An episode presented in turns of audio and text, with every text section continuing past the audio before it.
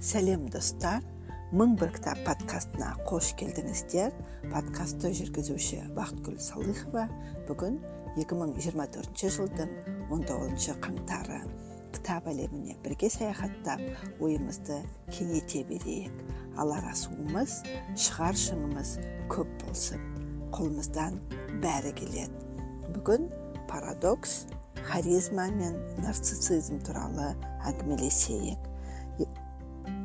Сіздерге осы парадокс туралы айтқым келгенде бүгінгі ә, тақырыптыға дайындалған кезде ә, білім сайтыма кіріп бұрын жазған ә, материалдарды қарап шықтым. Сол кезде 2021 жылы осы сайтыма жазған парадокс туралы бір ә, материалды тауып алдым. Ол өмірдің 20 күтпеген парадоксы деп. Аталады. Өмірдің парадоксы байқамасақ та алдымыздан шығатыны белгілі. Біз көбінесе мақсатқа жету үшін жұмсалатын күш жігерді бағаламай тек белгілі жағдайларға негізделген жоспарлар жасаймыз. Дегенмен өмір парадокстарға яғни қарама қайшылықтарға толы. Біреуге қажырлы еңбекпен келген нәрсе бізге өте оңай болып көрінеді ал ақша табу үшін сіз бір нәрсеге оқуға немесе пайдалы активке инвестициялауыңыз керек жазушы және инвестор сахил блум твиттер желісінде ең танымал парадокстарды талдап жариялаған екен соны оқып алып аудармасын білімпаз сайтына да жариялағанмын. Енді соны сіздерге де айтып берейін. Парадокстардың ішінде сендіру парадоксы деген бар. Ең белсенді пікірсайысшылар біреуді сирек сендіретінін байқадыңыз ба? Яғни ең сенімді адамдар дауласпайды. Олар бақылайды тыңдайды және сұрақ қояды. Сондықтан сіз де азырақ дауласып көбірек сендіруге тырысыңыз. Сендіру дегеніміз бұл жерде көзін жеткізу. Тура бетке айтуды қаламайтын нәзік өнер. Адамның бір нәрсеге көзін жеткізу оңай емес. Істеп көріңіз. Тағы бір парадокс тырысу парадоксы деп аталады. Бір нәрсені оңай етіп көрсету үшін көп тырысу керек. Жеңіл талғампаз қойылымдар көбінесе ұзақ және қажырлы жаттығулардың нәтижесі. Қарапайымдық алдамшы. Даналық парадоксы. Мен неғұрлым көп білсем соғұрлым көп нәрсені білмейтінімді түсінемін әрине бұл альберт эйнштейн айтқан сөз неғұрлым көп білсек соғұрлым белгісіз заттарға ашық боламыз бұл адамды қорқытудың орнына шабыттандыруы керек өз надандығыңызды қабылдаңыз және өмір бойы оқуды ережеге айналдырыңыз. Бұл парадокс маған ұнайды. Мен оны өмір бойы басшылыққа алып келе жатырмын десем де болады. Өсу парадоксы. Өсу біз ойлағаннан қайда көп уақытты алады. Өсу бірте бірте содан кейін кенеттен жүзеге асады. Осыны түсінгеннен кейін біз басқаша әрекет ете бастаймыз. Өнімділік парадоксы. Біз неғұрлым ұзақ жұмыс жасасақ соғұрлым аз нәтиже жасаймыз. Паркинсон заңы жұмысты аяқтауға берілген қол жетімді уақытты толтыру мақсатымен еңбек өрісі кеңейетінін айтады. Белгіленген жұмыс уақытын шектей отырып біз осы уақытты толтырудың өткізудің нәтижесіз жолдарын табады екенбіз жылдамдық парадоксы кейде жылдамдықты арттыру үшін баяулау керек бұл сіздің әрекеттеріңіз туралы ойлануға назарыңызды шоғырландыруға күш қуат жинауға және ресурстарыңызды тиімдірек пайдалануға уақыт береді бұл бір нәрсені жасауға тырысуға кеткен күш жігерге емес қарыз жүктемесіне және инвестицияларыңыздың тиімділігіне назар аударуға мүмкіндік береді жылдам жүру үшін баяу қозғалыңыз ақша парадоксы ақша табу үшін оны жұмсау керек әрбір табысты инвестор мен ғимарат салушылардың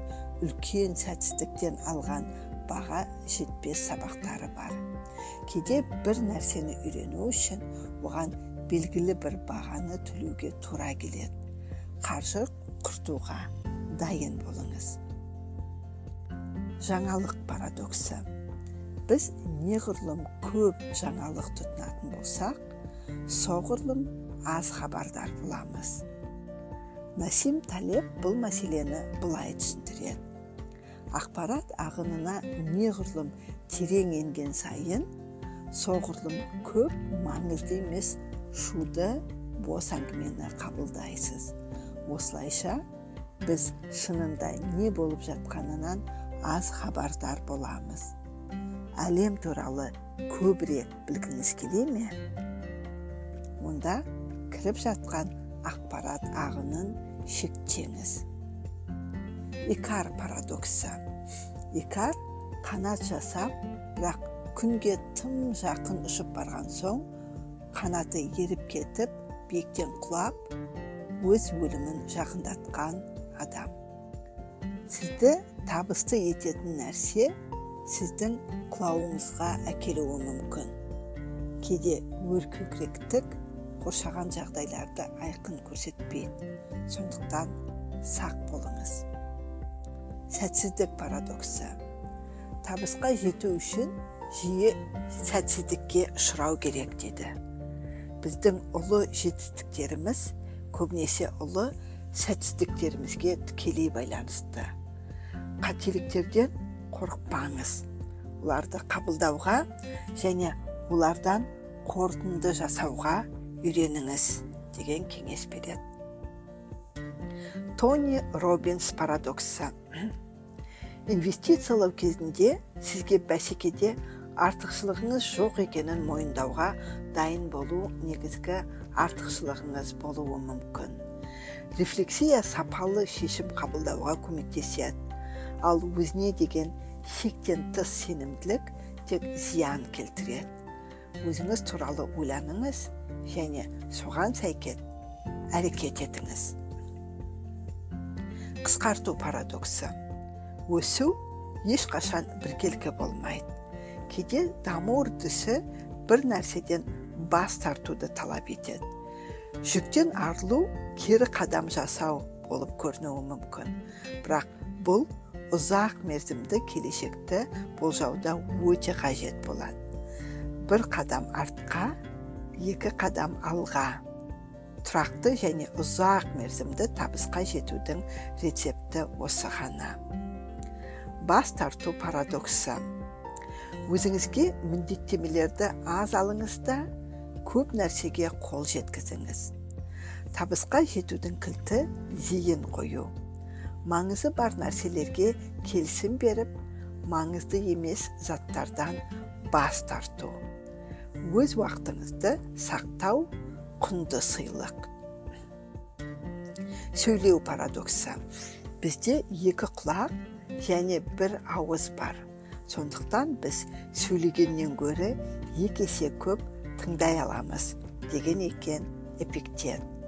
Егер сіздің сөздеріңіз бен ойларыңызды жұрт естісін десеңіз аз сөйлеп көп тыңдаудан бастаңыз.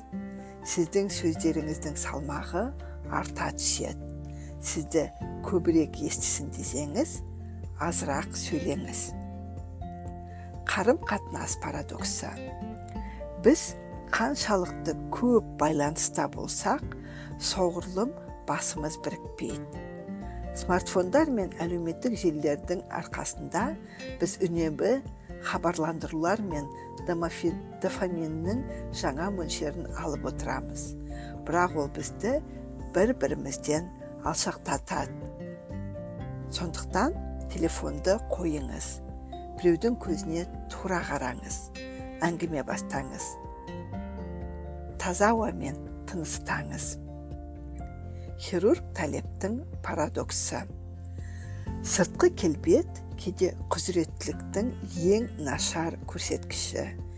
Бет әлпеті ерекше жандарға белгілі бір мәртебеге жету үшін басқаларға қарағанда көп нәрсені жеңуі керек. Таңдаған кезде түрі сәйкес келмейтіндей әсер қалдыратын адамға назар аударыңыз. Көзқарас парадоксы. Кейде іздеген нәрсені табу үшін ізденісті тоқтатуға тура келеді. Сонда іздегеніңіз өзі алдыңыздан шығып сізді тауып алады. Бұл өмірге де бизнеске де және инвестицияларға да қатысты. Тұрақты өзгерістер парадоксы. Өзгеріп жаңаруды доғарған кезде сіз де бітесіз деген бенджамин франклин. Өмірдегі жалғыз тұрақты нәрсе бұл өзгеріс. Әрқашан сенімді болуға тұратын жалғыз нәрсе өзгеріс қана. Осы жағдайды қабылдап ширақ және икемді болыңыз. Бақылау парадоксы. Бір нәрсені қаншалықты көп бақылауда ұстасаңыз соғұрлым сізде бақылау аз болады. Бұл жағдай жеке қарым қатынасты да еңбек қарым қатынасында да жұмыс істейді. Адамдар тәуелсіз болып жаратылған бұған қарсы тұрудың кез келген әрекеті қарсылыққа ұшырайды. Қорқыныш парадоксы біз жүзеге асыру керек нәрсе көбінесе біздің ең көп қорқатын нәрсеміз қорқыныш біздің өсу қарқынымызды да өмірімізді де шектейді өз қорқыныштарыңызға жақын болуды әдетке айналдырыңыз содан кейін жаңа мүмкіндіктерді табу үшін серпіліс жасаңыз осы айтылған парадокстар сізді де бір ойға жетеледі кейбір нәрсені түсінуге көмектесті деп сенемін. Енді харизма мен нарциссизм туралы айтайық. Бұл екеуі бір бірімен байланысты ма? Әлде жоқ па? Қалай ойлайсыз? Харизма бұл адамның ерекше деп танылған қасиеті. Оның арқасында жеке тұлға табиғат күштерінен адам күштерінен асатын немесе жай ерекше күштер мен басқа адамдарға қол жетімді емес қасиеттерге ие деп бағаланады. Бұл макс вебердің анықтамасы. Яғни харизма ерекше адамның ерекше қасиеті. Басқа адамдарға да жоқ өзін ерекшелеп тұратын нәрсе. Харизма әдетте жеке тартымдылықпен адамның көп күш жұмсамай ақ басқалардың ықыласына ие болу қабілетімен байланысты. Көптеген зерттеулер харизмасы бар адамдар өздерінің ізбасарларының сеніміне адалдығына ие және оларды жақсы нәтижелер көрсетуге шабыттандыратынын көрсетеді харизма туа біткен дарын деп есептелсе де өз бойыңыздағы осы құнды қасиетті дамытудың бірнеше жолы бар. Мысалы менеджмент бойынша сарапшы жаттықтырушы leadership freak блогының авторы дэн роквелл бұл үшін батыл әрекет етіп біреуге ұнауға тырыспай өз жеңісіңізге сенуге кеңес береді инс ә, баспасының авторы джефф хейден харизматикалық тұлғалардың он маңызды қасиетін анықтап оларды өз бойыңызда дамытуға тырысуға болады дейді оның айтуынша харизмаңызды арттыру үшін көп сөйлеудің орнына көбірек тыңдау керек өз маңызыңыз, маңыздылығыңызды көрсетпей дұрыс сөздерді таңдау және басқа адамдардың сәтсіздіктерін талқыламау керек харизма табысты көз, көшбасшының ең маңызды қасиеттерінің бірі бірақ гент университетінің зерттеуі оның белгілі бір деңгейге дейін ғана пайдалы екенін көрсетеді. Ал шекті мәнінен асып кеткенде зиян болады екен. Зерттеуге сәйкес харизмасы төмен көшбасшылар стратегияда әлсіз болса бірақ тактика құруда өздерін емін еркін сезінеді екен. Харизмасы жоғары көшбасшылар стратегияны жақсы біледі бірақ тактика мен істің егжей тегжейін қарастырғанда әлсіздігін көрсеткен.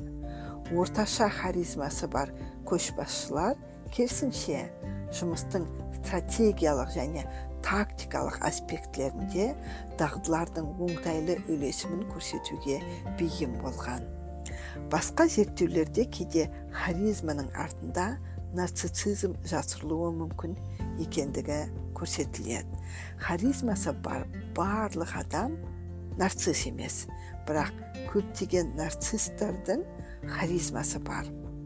Олардың харизмасы неғұрлым жоғарылау болса оларды ажырату үшін соғұрлым ұзақ уақыт қажет деп жазады томас чаморро премузиц лондон университет колледжінің профессоры. Қызметкерлердің профилін жасау және психометрия бойынша маман. Ал сіздің харизмаңыз бар ма? Қай адамның харизмасы мықты деп ойлайсыз? Ойланып көріңіз.